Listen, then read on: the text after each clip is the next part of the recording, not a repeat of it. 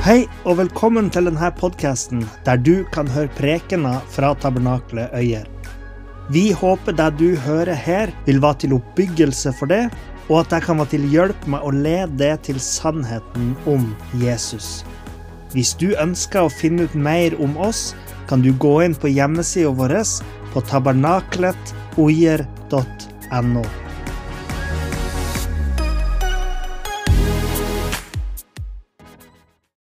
Vi fortsetter jo serien i dag om Filippe-brevet. Og eh, dere hørte jo han Jon Martin Øverby forrige helg, som eh, snakka om det her med forkynnelsen om Kristus. Og i dag så beveger vi oss videre, og vi ser på det her, det her med å leve eller å dø. Og kan det virkelig være et vanskelig valg å velge mellom de to? Tingen var jo at Mens Paulus var fanga i Roma, så var det noen der som prøvde å gjøre lidelsene hans større enn det de trengte å være. Jeg snakka litt om denne eh, første preken i denne serien, og Jon Martin snakka vel så vidt om det forrige uke. Eh, og noen, eh, det var jo noen der som prøvde å gjøre det vanskelig da, for, for, Paulus. Og noen bibelforskere de mener at eh, det her handler om at de her nærmest motstanderne til Paulus da forkynte et evangelium som ikke var helt i tråd med den forkynnelsen som Paulus sjøl hadde holdt på med. Men det var ikke helt feil evangelieforkynnelse heller. Men de hadde òg et feil motiv for det. da. Og Poenget som Jon Martin sa, var jo det at eh, noen gang så må vi som kristne være villige til å svære noen personlige kameler for at vi skal i stedet for se på det aller viktigste, som jo er det at Kristus blir forkynt. Sant? Så lenge Kristus blir forkynt, så kan vi overleve både at noen forkynner ut ifra stridslyst ikke sant? Hvis noen for sier til meg Niklas, du hadde aldri turt å stå på en scene og forkynne evangeliet, så sier jeg å ja, nå skal jeg vise det. Så gjør jeg det ut ifra stridslyst for å bevise noe. Men Paulus sier så lenge Kristus blir forsynt, så er det greit. Og eh, vi kan eh, noen ganger se forbi at den som står på scenen, kanskje ikke sier alle ordene eh, riktig. Eller at ikke alt som blir sagt på scenen, er noe som vi er helt enig i. Men vi kan se det store bildet at Kristus blir forkynt. Uh, så forkynnelsen om Kristus, altså evangeliet om denne oppstandende Herren som vi sang om i stad, uh, som kan gi oss tilgivelse for våre synder hvis vi setter vår tillit til Han, det er det viktigste, og det er det vi må fokusere på. Så la oss lese denne, denne teksten som vi eh, har i dag, som plukker opp denne tråden fra forkynnelsen av evangeliet om den oppstandende Herre i Filipperne 1, fra vers 18 til 30. Bare i Kristus, nei, bare Kristus i alle fall blir forkynt, skriver Paulus. Enten det er med baktanke eller i sannhet, gleder jeg meg. Ja, jeg vil fortsette å glede meg, for jeg vet at alt dette skal føre til at jeg blir fridd ut ved deres bønn og ved den hjelp Jesu Kristi ånd sørger for. Slik er også min inderlige forventning og mitt håp at jeg ikke skal bli til skamme i noe, men i all frimodighet, som alltid, skal Kristus også nå bli opphøyet ved min kropp, enten det skjer ved liv eller ved død. For meg er livet Kristus og døden en vinning. Men dersom det å leve i kroppen gir frukt av mitt arbeid, da vet jeg ikke hva jeg skal velge. For jeg dras sterkt til begge deler. Jeg har et ønske om å bryte opp herfra og være med Kristus, som er det aller beste. Men å bli værende her i kroppen er likevel mer nødvendig for dere. Ettersom jeg er overbevist om dette, vet jeg at jeg skal leve og fortsette sammen med dere alle til deres framgang og glede i troen. Slik er det for at deres ros for min skyld kan bli enda rikere i Jesus Kristus når jeg igjen kommer til dere. Men bare se til at dere lever et liv som er Kristi evangelium verdig. Så enten jeg kommer og ser til dere, eller er fraværende, kan høre om, dere, eh, om dere at dere står fast i én ånd, og at dere med én stemme og samme sjel kjemper sammen for troen på evangeliet. La dere ikke på noen måte skremme av deres motstandere. For dem er det et varsel om fortapelse, men for dere om frelse, og det fra Gud. For det er gitt dere på grunn av Kristus, ikke bare å tro på ham, men også å lide for hans skyld og kjempe den samme kamp dere så jeg kjempet, og som dere nå hører jeg fremdeles kjemper. Ja, en liten tekst der i dag. Hva skal man si til det her? Eller hva skulle filipperne si til det her når de hørte dette brevet bli lest opp for første gang for dem. For det er jo en sterk tekst. Vi ser jo at Paulus eh, eh, han brydde seg om filipperne, og vi vet at filipperne brydde seg om Paulus. Og de hadde sendt han en stor gave mens han var fanga, sånn at han kunne betale for seg mens han var i husarrest. sant? Og Likevel så blir denne teksten lest opp eh, til oppmuntring for de troende, sjøl om omstendighetene for Paulus var som de var. At han satt i husarrest, og han trengte deres hjelp. Og, og eh, her så blir jo Paulus personlig. ikke sant? Han begynner å snakke om, om muligheten for hans død. Og jeg kan godt forestille meg at når dette brevet ble lest opp første gang, at det var noen våte øyekroker der i Filippi, i menigheten, når, når de leste det her sammen. Uh, så derfor så, så, så, er det jo Så var det jo for de første tilhørerne en viss sånn uh, en viss sånn uh, sorg over å lese det, at, det, at det faktisk kunne skje at han skulle dø. Men likevel så blir det lest som en tekst til oppmuntring for alle troende. Fordi Paulus sitt poeng er jo at uansett hva som skjer med han, så kan både han og filipperne glede seg så lenge Jesus blir forkynt. Så Paulus han vipper mellom de her to mulighetene i denne teksten. Enten så kommer han til å bli dømt til døden i den rettssaken han satt og venta på. Eller så kan han bli dømt til å bli fri, og han kan leve videre. Og Her så blir jo Paulus personlig, ikke sant? for han drøfter sitt syn på de her to mulighetene. Han, han, han legger fra, bar sine tanker da, om, om, hva som kan skje med han.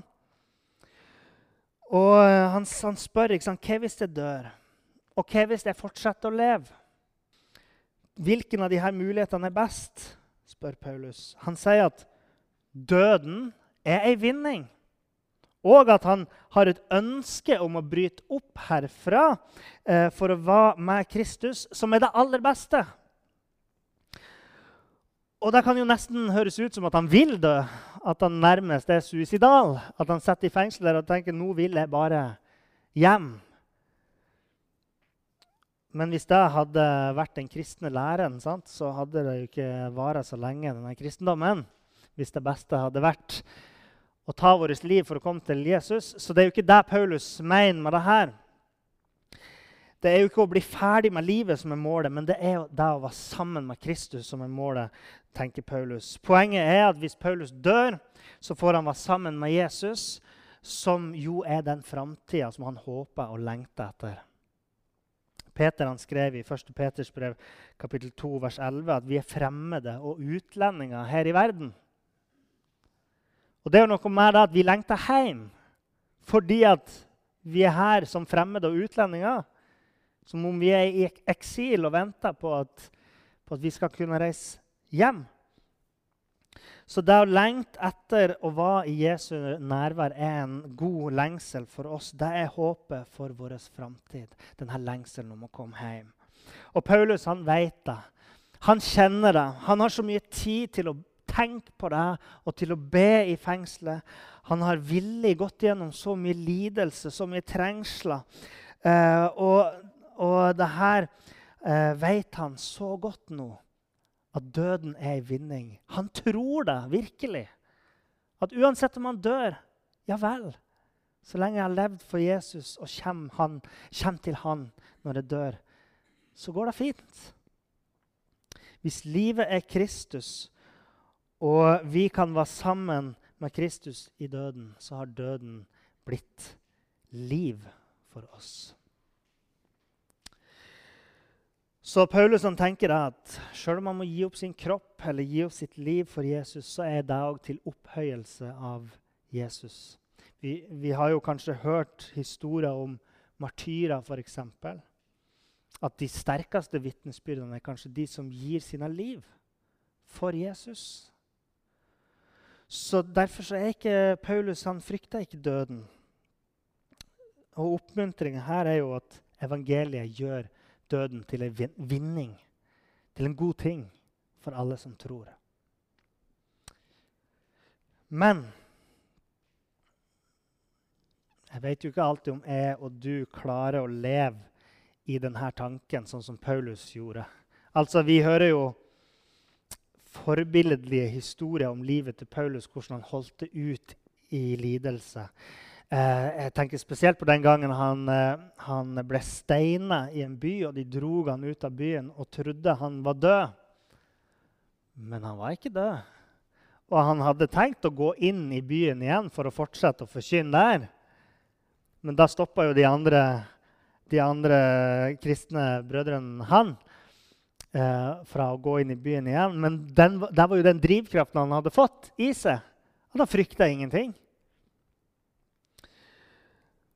Og, så Jeg vet ikke om vi alltid greier å leve med den der, den der tanken så dypt i oss. Um, jeg kan jo ikke snakke for det, men uh, jeg har jo en mistanke om at vi noen gang kanskje har en, en tanke om at det som kommer i det neste livet, altså etter vi dør, er liksom en slags bonus framfor å tenke på at det som kommer etter døden, er det virkelige livet. Uh, Misforstå meg rett, eller hva jeg skal si. Vi, har, vi, bruker jo ordene og sier at livet etterpå er det beste. og alt det der. Spørsmålet er jo om vi, vi liksom lever i denne tanken. da. At det her er venterommet, og døden er da vi kommer inn til legen og får medisin og blir helt, helt fri. ikke sant? At det å liksom være sammen med Kristus at det kan bli noe som vi egentlig ikke vil skal skje før vi er helt ferdig med tingene her nede. Skjønner dere? Jeg vet ikke om det er flere som noen gang, noen gang tar seg sjøl i å tenke det. At man ser jo for seg at, at det jeg vil, er jo å leve et langt liv før jeg kommer til Kristus. At vi skal bli ferdig med alt her nede. ikke sant? Og at vi skal utsette døden så lenge som mulig fordi vi trives så godt her. I stedet for at, vi kanskje tenker heller som Paulus gjør, at vi, vi vil være her så lenge fordi jeg ser at Gud har en plan med mitt liv her. så det er jo litt som at man er i et kappløp. da. Og uh, i stedet for å sprenge inn i mål, så liker man heller løpet så godt at før mållinja så stopper man og så tar man noen ekstra runder. for at, nei, jeg har ikke lyst til å komme i mål, Selv om det der premien er. Men jeg liker løpet. og det er jo ganske dumt å utsette det å få premien. ikke sant? Men sånn blir det jo hvis vi tenker at, at livet er egentlig der vi helst vil ha. Og så, ja, så sier vi at det, det, er veldig godt der framme, men jeg har det veldig fint her òg. og det er ikke Paulus sin tanke. Han sliter mellom hvis han skulle ha vært, eh, skulle ha vært døden eller skulle ha vært å være her. Han syns det er et vanskelig valg. Det, det, er en sånn åndelig modenhet som Paulus viser, eh, som hjelper oss til å holde ut i lidelse og sorg. Nemlig at vi lever i denne, denne lengselen som finnes i spenninga mellom det livet vi lever nå, og den gode framtida som venter på oss. For jeg tror at det er det som gjør at Paulus kan glede seg. For det skriver han han gleder seg i alt han står i, uansett omstendighet. Og som gjør at han i andre korinterbrev omtaler seg sjøl som sorgfull, men fortsatt alltid glad. Han har denne dype gleden fordi at det beste ligger foran. Og han hviler i at seieren allerede er vunnet i Kristus. Så husk alltid da at for det som tror, for det som har Jesus i hjertet, så er ikke døden eh, et budskap om fortapelse, men et budskap om frelse. Og det setter jo ting inn i et større perspektiv. Og vi trenger å påminne oss sjøl om det. Så Paulus sier da at hvis han hadde hatt et reelt valg, så hadde det vært et vanskelig valg å velge mellom å leve eller å dø. Både hans død og hans fortsatte liv på jorda hadde sine fordeler, for han sier at han dras sterkt til begge sider. Det virker som at han kanskje ville valgt å bare gi slipp på det som er her, for å være sammen med Jesus, fordi han, han kaller det det aller beste. Men samtidig så blir det litt vanskelig å bare si Det blir litt for, nei, for enkelt, mener jeg, å bare si at han ønsker å dø. For det, det tror jeg ikke. For dessuten, Selv om han ønsker å være med Jesus, så forventer han uansett å leve videre, sånn at han kunne tjene til fordel for de kristne i Filippi. Blant annet. Drømmeren Paulus han har kanskje lyst til å nå det evige liv sammen med Jesus så fort som mulig. Men tjeneren Paulus erkjenner jo det at Guds vilje er ikke til enhver tid det som nødvendigvis er best for han. At Guds vilje kan være noe annet enn det som, enn det som, det som vi kanskje tenker er best for oss. Og han, eh, Paulus skriver da åpenbart til filipperne sin oppmuntring i vers 24 og 25. Men å bli værende her i kroppen er likevel mer nødvendig for dere. Ettersom jeg er overbevist om dette, vet jeg at jeg skal leve og fortsette sammen med dere alle til deres framgang og glede i troen. Og Dette er et så viktig perspektiv på livet til det som kaller deg kristen, og som sier at du elsker Jesus. Nettopp at du er villig å sette til side ditt eget beste til fordel for dine trossøsken. Spørsmålet er jo hvor ofte gjør vi det?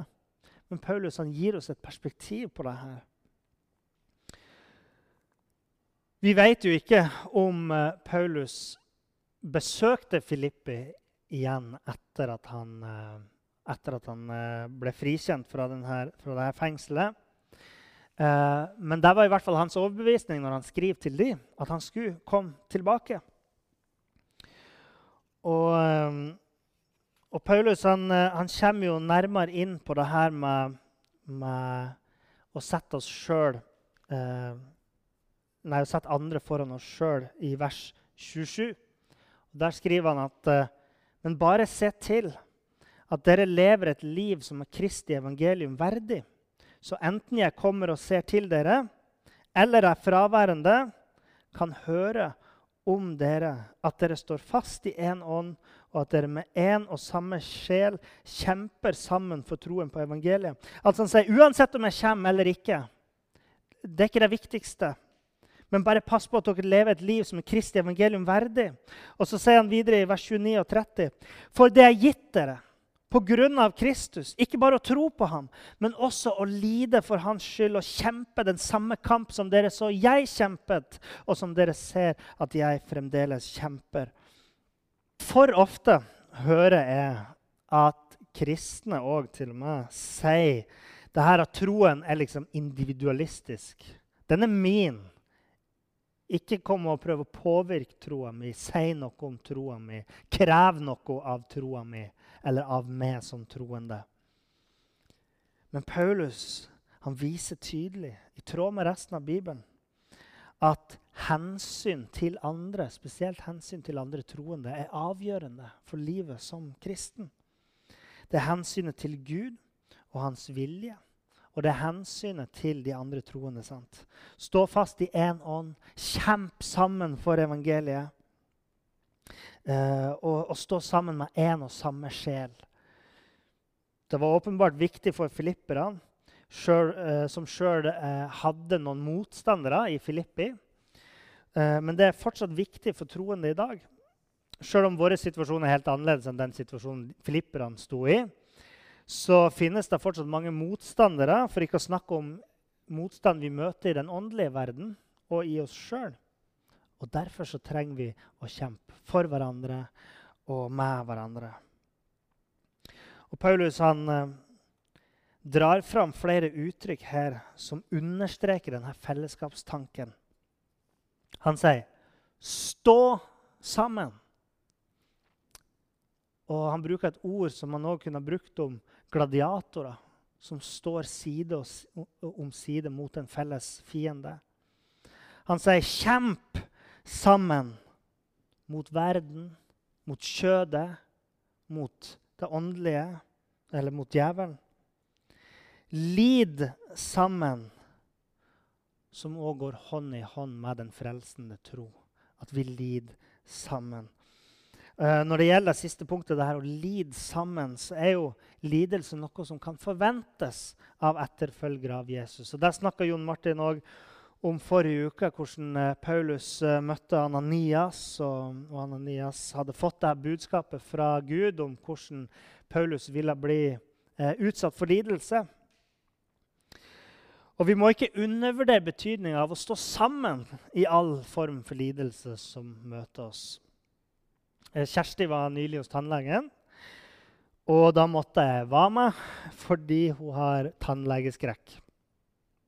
Eh, og alt jeg gjorde, var jo nettopp det at jeg var med. det er alt hun trenger. Jeg var med henne inn til tannlegen. Trenger ikke å si noen ting. Eh, jeg kan jo ikke stå over henne heller, for der står tannlegen. Men jeg bare er i rommet der i lag med. Og det virker jo kanskje ubetydelig for meg, da. Eh, men her fenomenet sammen Bare det å være sammen betydde masse for Kjersti da. Og Merk det Paulus sier i vers 19 i denne teksten vi har sett på i dag. At han skal bli fridd ut ved deres bønn. For jeg vet at alt dette skal føre til at jeg blir fridd ut ved deres bønn. Han sitter kanskje alene i fangenskap, men han har fortsatt et bånd til de troende gjennom Den hellige ånd som bor i de alle. Derfor er han òg overbevist om at filipperens bønner er virksom og vil ha betydning for hans framtid. Så det er fellesskapet, det å være sammen. Eh, til og med Paulus trengte de andre. Og vi må ikke glemme det i vår eh, kanskje forherligelse av de her eh, trosforbildene som vi har i Bibelen, apostlene. Store forbilder, ja. Men til og med de trengte menigheter, trengte sine medtroende. Vi skal se et filmklipp fra en film som heter 'Innsiden ut'. Og det her er jo en, eh, en film der altså Disney, Dere har jo hørt om Disney har laga mange filmer. Men, eh, men, de har jo begynt å lage noen filmer som er litt mer abstrakt. Bl.a. denne 'Innsiden ut', der de, eh, der de følger noen karakterer inni hodet til ei lita jente. Og de her karakterene det er vel fem forskjellige følelser. Du har, du har sinne, sorg, glede, uh, sjalusi eller noe sånt. Og, og, de er jo personifisert, så de er jo sånne små figurer inni hodet på hun her jenta. Og følelsene krangler seg imellom og, og, kjemper mot hvilken følelse som skal, skal liksom komme fram. Og... eh, den scenen vi skal se, viser jo da ei lita jente som er så lei seg fordi familien har flytta til en ny by. Og hun savner hjemmet sitt, men helt fram til nå så har hun fortrengt følelsene sine og ikke følt sorg. Vil si, de andre følelsene har fortrengt sorgfølelsen. Eh, ei lita blå eh, jente inni hodet her. Så du ser en sånn litt rar blå figur, så er det sorg. Og så har du en gul figur som er glede. da. Og fram til dette tidspunktet så har den lille jenta hatt eh, mange gode minner. Men nå, når hun tenker tilbake på de minnene, så kjenner hun at de minnene begynner å bli trist å tenke på fordi hun savner dem. Så det oppstår et helt nytt fenomen inni hun jenta helt til slutt i det klippet. Det oppstår glede i sorgen. Ja, så Jeg starta med å snakke om de her gode nyhetene, evangeliet. ikke sant? Og så kommer vi jo hit da til lidelse og sorg. Eh, og det vil si, Jeg skal ikke avslutte med lidelse. Men vi ser jo i dagens tekst at evangeliet det vil òg innebære lidelse, tenker jeg.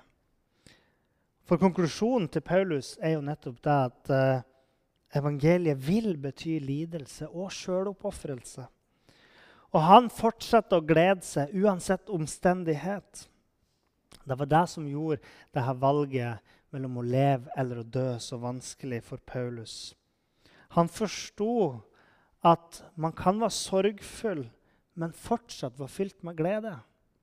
Og det var det denne jenta gikk igjennom, der hun begynte å kjenne på de mer komplekse følelsene. At sjøl om hun var lei seg og savna hjemme, så fikk hun kjent på omsorg som gjorde at i sorgen så var det en glede som ble åpenbart. Du kan uh, sørge over tapet av en venn, men likevel glede over frelsen. ikke sant? Du kan møte all slags sorg og lidelse i livet. Men dypest sett så bæres vi av gleden og håpet om den herligheten som skal komme. Den største gleden var jo å være sammen med Jesus. Det var det Paulus tenkte. Men det var heller ikke uten glede å fortsette å leve. Når vi eh, kommer inn i evigheten sammen med Jesus, så, så vil det være en sorgløs tilstand. Men det betyr ikke at der, vi er nå, er bare sorg.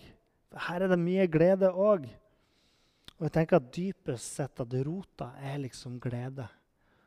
Og så kan vi møte all slags sorg og vanskeligheter. Men så lenge vi, vi har den gleden innerst inne, så går det bra og at vi har et håp å se fram til. Oppmuntringa for oss er jo nettopp det at døden er en vinning. Og enn så lenge så kan vi stå sammen med brødre og søstre sant? som kjemper for den samme sak, og som kjemper for å leve liv som er Kristus verdig.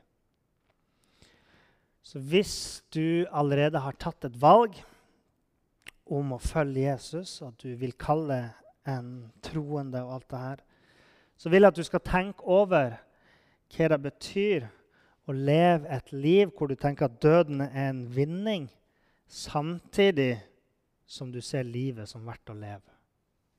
Tenk over hva det betyr for deg å leve et liv der du ser på døden som en, en vinning, samtidig som du ser at livet er verdt å leve. Så Det er det jeg tenker at vi kan reflektere over etter å ha lest denne teksten. Skal vi be? Eh, Herre Far, jeg takker deg for eh, ditt ord, som alltid kan minne oss på viktige ting. Alltid kan åpenbare nye ting for oss. Hjelpe oss å se ting i et nytt perspektiv. Jeg bare takker deg for det, Herre.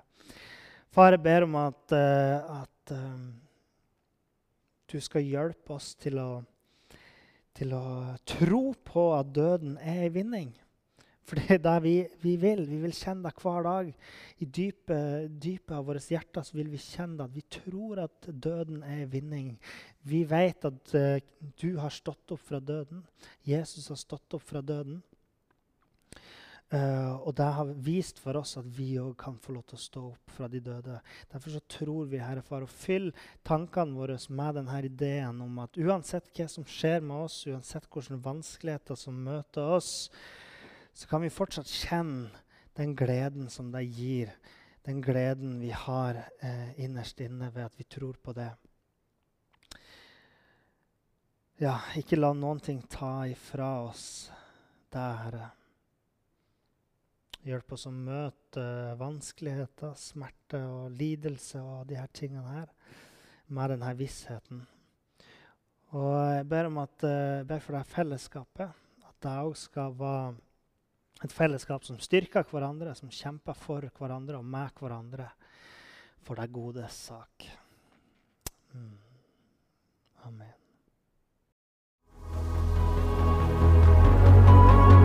Takk for at du hørte på. Hvis du tok et steg i tro i dag, eller du har noe du ønsker forbønn for, så vil vi gjerne høre ifra det via e-postadressen kontakt. Du er òg velkommen til våre ukentlige gudstjenester i menighetslokalet i Haugskutua 5 26 36 Øyer.